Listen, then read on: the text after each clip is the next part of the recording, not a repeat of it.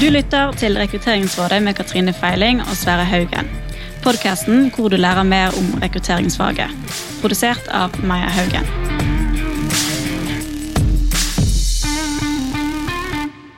Velkommen til eh, Rekrutteringsrådet, sier jeg til deg som lytter der ute. Og så har jeg også lyst til å si faktisk litt sånn nesten velkommen til deg òg, Katrine.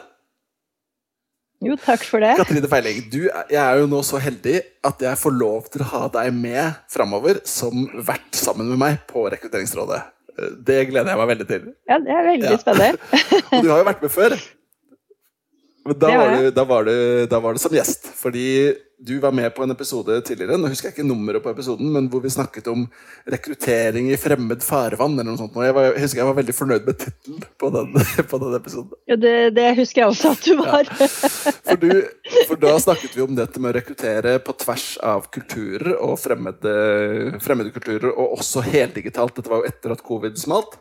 Fordi du har jobbet masse med rekruttering, både her i Norge, i konsulentselskaper og andre, andre steder. Sånn veldig kort bakgrunnsmessig, du, hvor er det du har jobba med rekruttering, Katrine? Ja, nå begynte jo karrieren min eh, i hva blir det nå, 2008. Eh, og da startet jeg et eh, veldig stort eh, konsulenthus eh, hvor vi jobber sammen. Jeg skulle si det var der du hadde så bra, bra Eh. leder, var det det? det var der det begynte. eh, og fikk brynt meg liksom både på mer IT-stillinger, men også med konsulenter, vanlige strategikonsulentstillinger.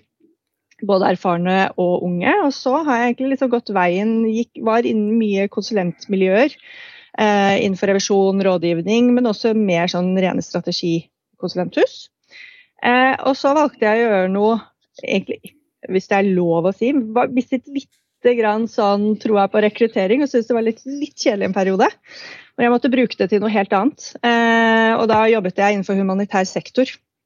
Og det var da vi rekrutterte heldigitalt og på tvers av landegrenser og kulturer. og en utrolig spennende reise å få lov til å være med på det arbeidet som da Flyktninghjelpen og Nordkapp, som var en del av Flyktninghjelpen, gjorde. Så gjorde jeg ja, en del år. Og så eh, trengte jeg litt nye utfordringer igjen. Og da tenkte jeg hvilken side av rekrutteringsbransjen har jeg ikke vært på ennå? Og da er det over til the dark side. Vi kan si det, Sverre? er, det er the dark side. Men Ja, ja, vi sier the, det. for, the, the, Men force, the force, skal vi si. Ja, ja. Så da er jeg her. Og det er, det er jeg veldig glad for. da Og det er jeg er veldig glad for det fordi du er jo en veldig, du er en veldig en tydelig fagperson. Du er flink på faget. Og eh, jeg gleder meg til å ha masse samtaler med deg og med de spennende gjestene som vi skal ha med i Rekrutteringsrådet framover. Og i dag så har vi jo med en gjest som har vært med et par ganger tidligere. Uh, Frode H Superspennende. Ja, Frode Haaland. Hy Frode Hybert Haaland, er det riktig, Frode? Det er helt riktig. Det er hyggelig å være her igjen. Ja, vi gjorde en liten sånn opptelling i forkant av eh, dette opptaket og, og prøvde å liksom å kartlegge litt sånn, for du har vært med et par ganger før. Jeg vet vi har hatt en episode tidligere om digital onboarding. Du har vært med litt i Arendalsuka. Husker du selv hvor mange episoder du har vært med på? Eh, Jeg lurer på om det er fem. Ja, fem, ja, ikke sant? Det, det, det. kan nok Jeg tror stemme. Ja, ja. Eh, og så er du med nå i dag fordi du er jo da forfatter av, eh, forfatter av eh, rekrutteringsboka som heter Å knytte bånd. Eh, kan du ikke si kort om din bakgrunn for de som ikke kjenner deg, Frode? Jeg har eh, arbeidet i eh, høgskolesektoren eh, nå i eh, 30 år, 11 måneder og 29 dager.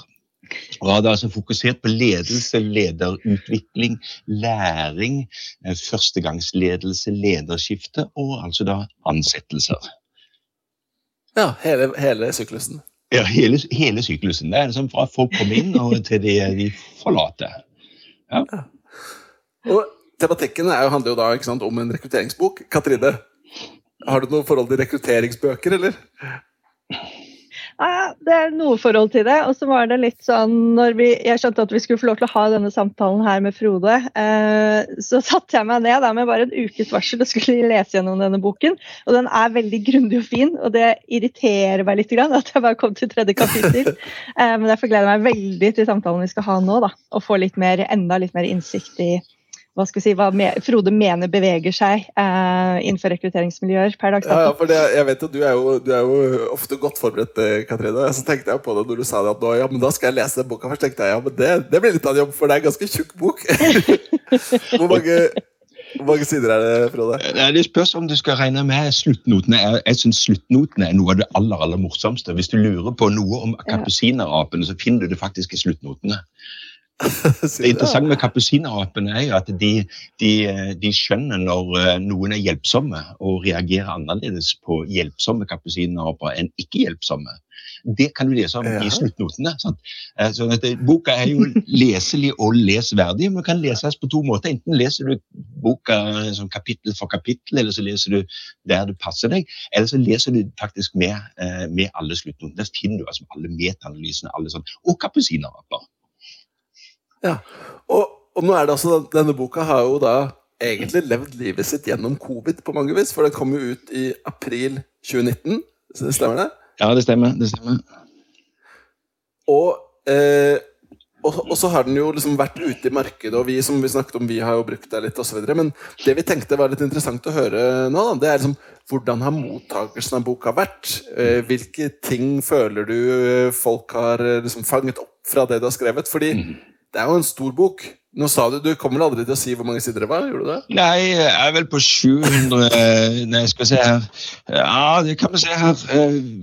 430-40 sider med tekst, og så kommer eh, referansene, som så kommer sluttnotene. Så. og 300 sider med sluttnoter? 596. Ja. 596 er det. Dette, der kan du se. Med ja.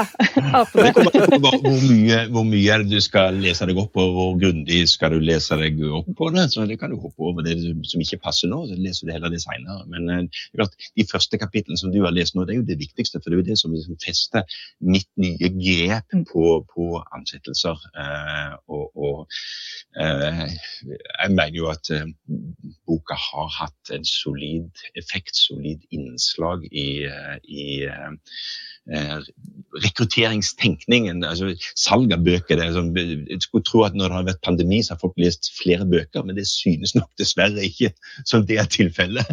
Uh, boka selger jo ikke i bøtter og spann, det er ikke noe kioskvelter, men han har liksom blitt lest der det er betydningsfullt at han leser. og Det er jo det som egentlig er hele poenget. Men det var litt eh, Sorry, sorry, nå hopper jeg inn her, men det var litt interessant, for jeg leste jo de første kapitlene, og så tenkte jeg oi, her må han ha liksom hva skal vi si, ja, tidligere litt forskjellige miljøer. Da, for det er jo eh, interessant det du skriver, ut ifra hvordan vi jobber med rekruttering per dags dato. Nå hopper jeg litt rett inn i, og jeg vet ikke om dette er noe som du har fått tilbakemeldinger på. Ehm, men ja, du utfordrer jo lite grann. Jeg utfordrer veldig mye. og det er klart at Noe av det viktigste som er utfordret, er jo tanken om at eh, det er arbeidsgiver og arbeidsgiver alene som eier ansettelsesprosessen. Og, og, og hvis en tenker sånn, så får det noen forutsigbare konsekvenser. og Det er det som liksom er, er mitt budskap. og Hvis vi tenker mer dette her som et samspill mellom to ikke likeverdige parter. Så det er jobbsøkere og er arbeidsgivere. Så kan vi eh, utvikle feltet mye bedre for alle parter. Eh, og dette handler altså om, altså Hvis arbeidsgiverne skal ivareta sine interesser, så må de ivareta søkernes.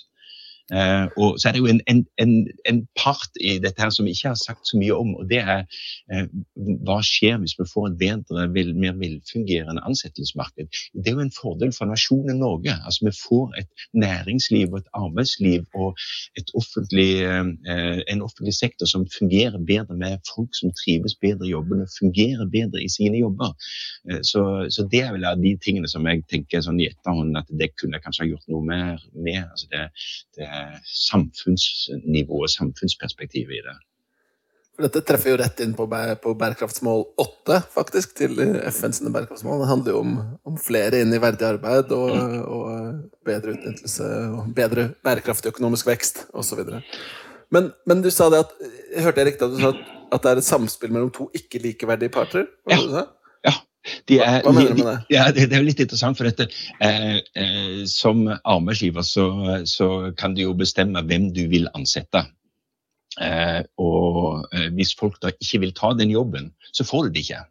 Selv om du liksom har pekt på den beste, den, men hvis den ikke vil ta jobben, så blir det ikke, blir det ikke noe. Og Det betyr altså at det, arbeidssøkerne har, er jo en sånn torpederingsmulighet. Men de kan jo ikke ta en jobb de ikke er tilbudt. Nei. Så er, de er ikke helt likeverdige. Det er de men, faktisk ikke. Men, men, der er det jo sånn, da er det jo grunn til at uh, som Katrine sa, hun har kommet over til uh, den rette siden av bordet da, på rekruttering og jobber som rekrutteringsrådgiver. Det interessante med oss rekrutteringsrådgivere Frode, det er at det er ingen som har lyst til å bruke oss, men alle gjør det likevel. Fordi, fordi det du sier, det stemmer jo ikke helt. For det er nemlig sånn at på noen områder så er det jo ikke nok folk. Så, så selv om ja, det er som du sier, at rekrutterer eller arbeidsgiver må, liksom, må jo gi det tilbudet. Hvis ikke så blir det ikke noe jobb. Men veldig mange steder så er jo problemet det stikk motsatte. At du får ikke tak i de folka. Du har ikke noen å gi tilbud til. Mm. Så der er det jo, så det er jo egentlig på mange vis en større balanse vil jeg si nå enn det var for si, 20 år siden? da? Ja, ja det, det, det, er helt klart. Men det er fremdeles, det er fremdeles ingen Det er, ikke en full, full eh, likeverdighet. og den, De rekrutteringsproblemene som har kommet, i, og i stor grad etter at boka kom ut altså, det, det er rekrutteringsproblemer. Nå har vi jo nettopp avslutta en, en lang, lang, vond og vanskelig lærerstreik avslutte med tvungen lønnsnemnd. Det kommer jo ikke til hjelp på rekrutteringsproblemene i, eh, i skolen. Eh, helsesektoren, eh, der mangler i øyeblikket 7000 sykepleiere, og i 2035 mangler vi 28 000. Det er kjempestore rekrutteringsproblemer. Dette har utvikla seg over veldig, veldig mange år. Og jeg, jeg, tenker sånn at Dette må vi forsøke å gjøre noen ting med, men noe av det her kan faktisk ikke du og meg eller arbeidsgivere fikse. Dette er òg politiske spørsmål, utdanningspolitiske osv. Ja. Um, litt tilbake til der vi var, eller det vi egentlig spurte om. da.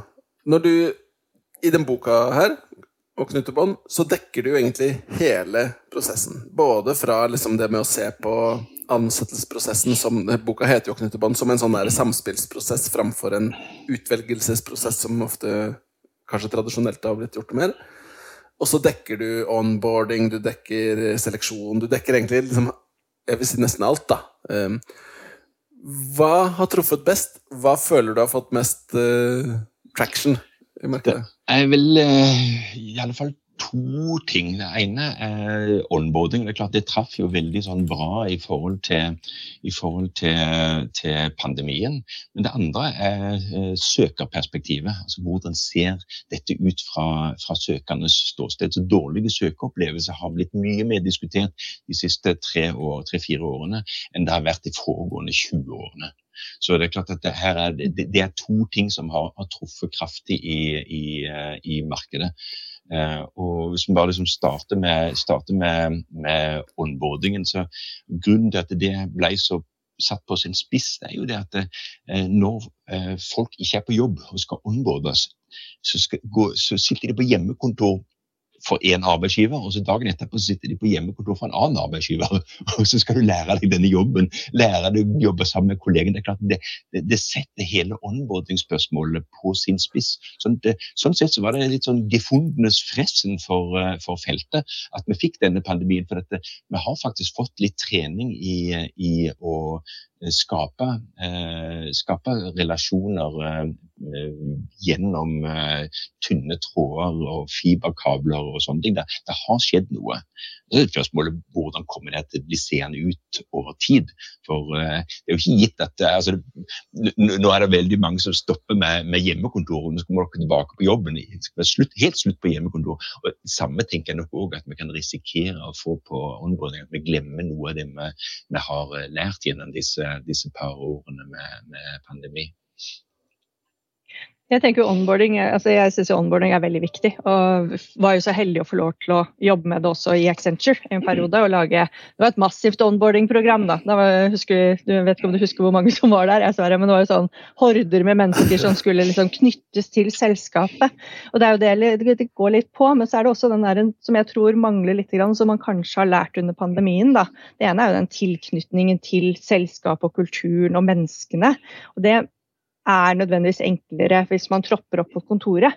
Og så er det andre er den der strukturen, å skjønne hva et onboarding-program eller hva, hva, det må inneholde da, for at noen skal kunne være oppe og gå i jobben sin.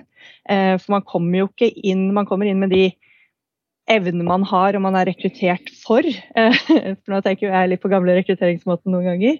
Men det er jo liksom det også at man må få den derre opplæringen i hvordan man gjør ting og metodikk og sånne type ting, som kan være litt lurt da, på å ha en god struktur på. Det er egentlig det som er poenget mitt. at Jeg tror det er todelt. Det ene er strukturen, hva skal vi gjennom? Og det andre er liksom den kulturelle tilknytningen.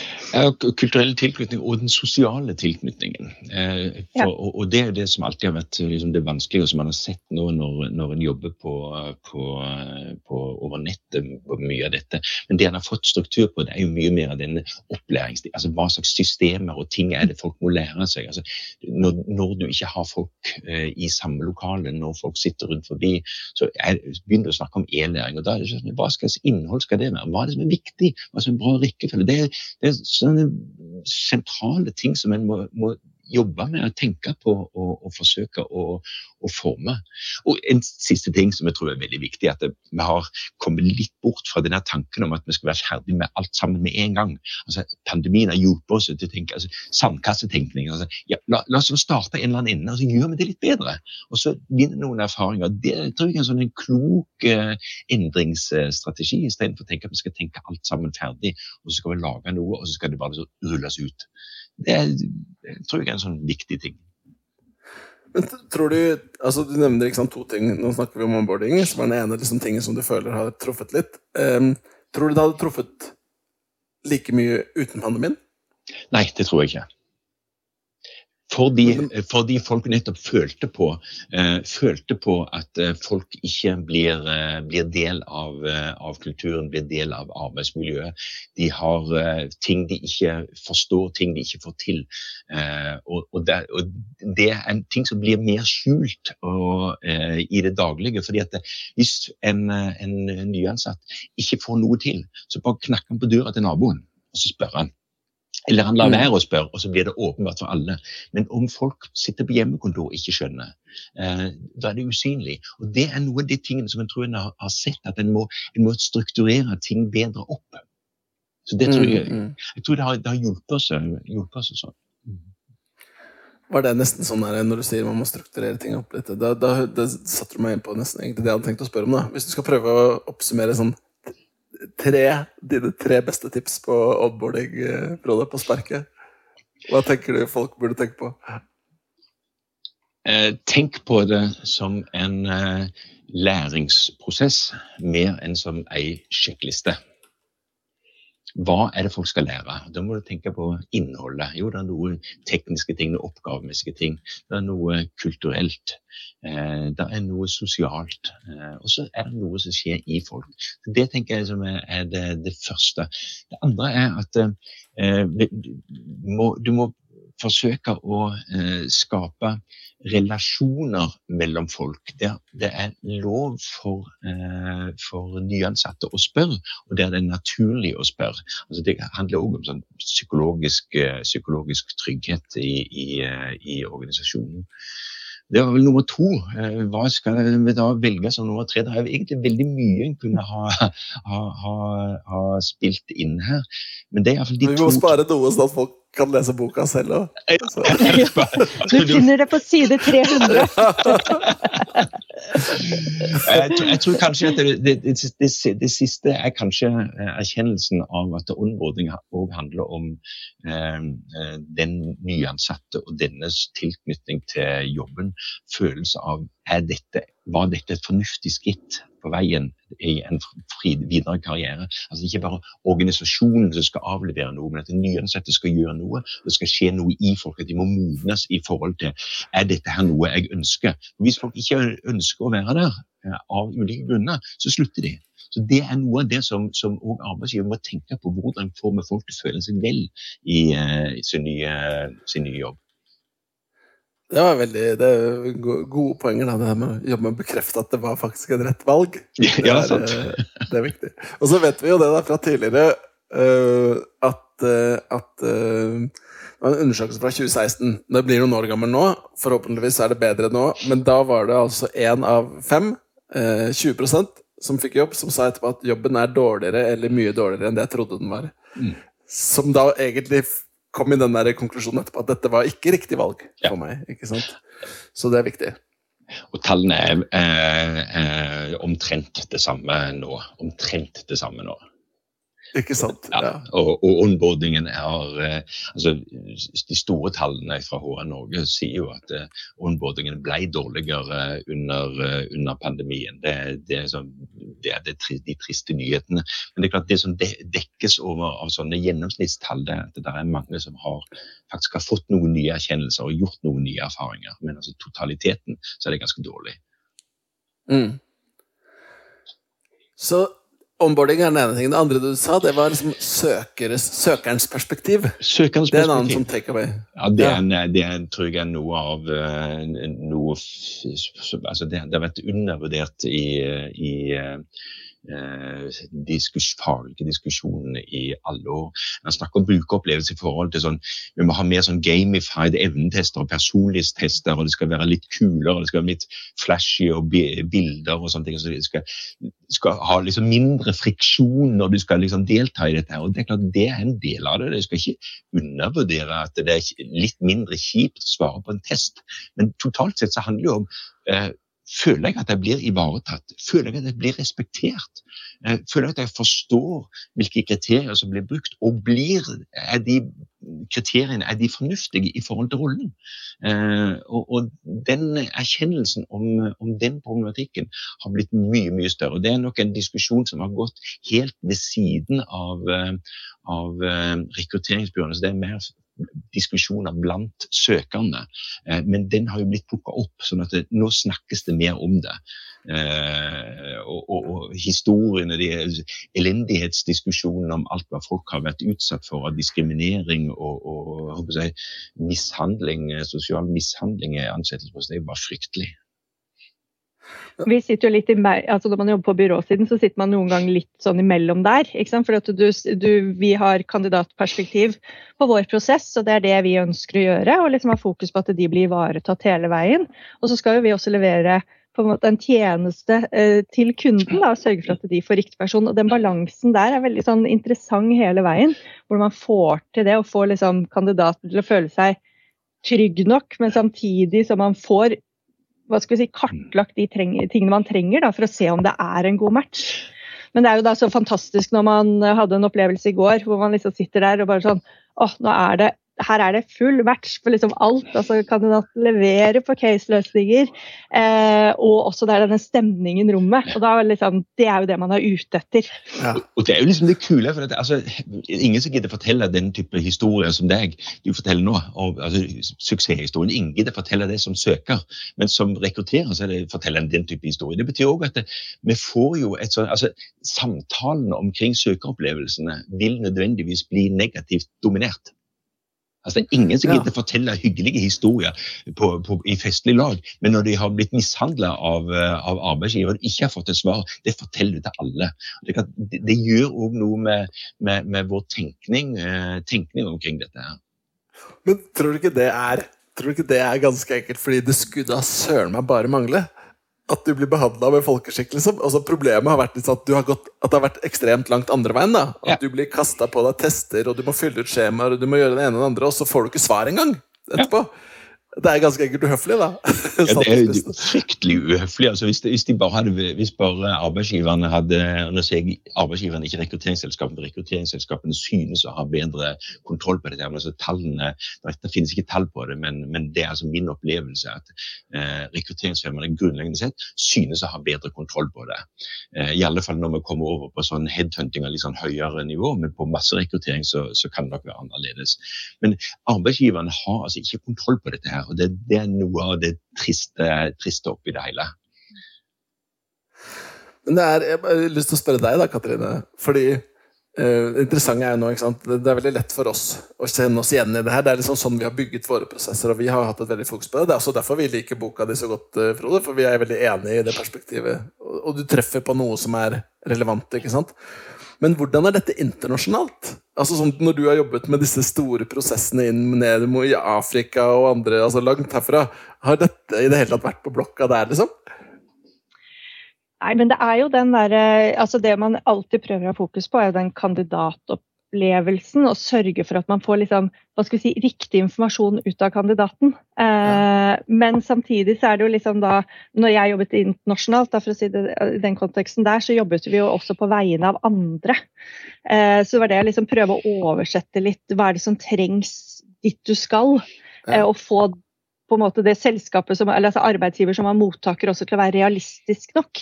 Og det tror jeg kanskje er litt den der, Noen ganger så føler jeg at det er det arbeidsgivere må gå noen runder på seg selv med. er sånn, Kjenner vi oss selv godt nok? Vet vi hvem vi er? Vet vi hva vi trenger? Nå er vi jo opp mot et annet område som jeg liker godt, employer branding. ikke sant? Men liksom, tør man å gå de rundene med seg selv? Og tør man da skreddersy en prosess hvor man hva skal vi si, lar kandidatene få lov til å bli kjent med selskapet på godt og vondt. Da. Det er da jeg tenker man får liksom en god match og god onboarding etter hvert. Men det må, det må, starte fra annonsen er ute, ikke sant? Eller før det òg. ja, det, starter starter jo med hva slags ideer har du om, om uh, hva slags type arbeidsoppgave er det som ligger her, og hva er det da som passer inn. og Der liksom, ligger, ligger den som en sånn naivitet. Om dette handler om individuelle egenskaper, skal ha noen som er fremoverlente eller et eller annet annet sånt. Mens det vi egentlig trenger, vi skal ha en kirurg eller vi skal ha et eller annet med erfaring og kompetanse på det og det og det området, og så kommer det andre etterpå.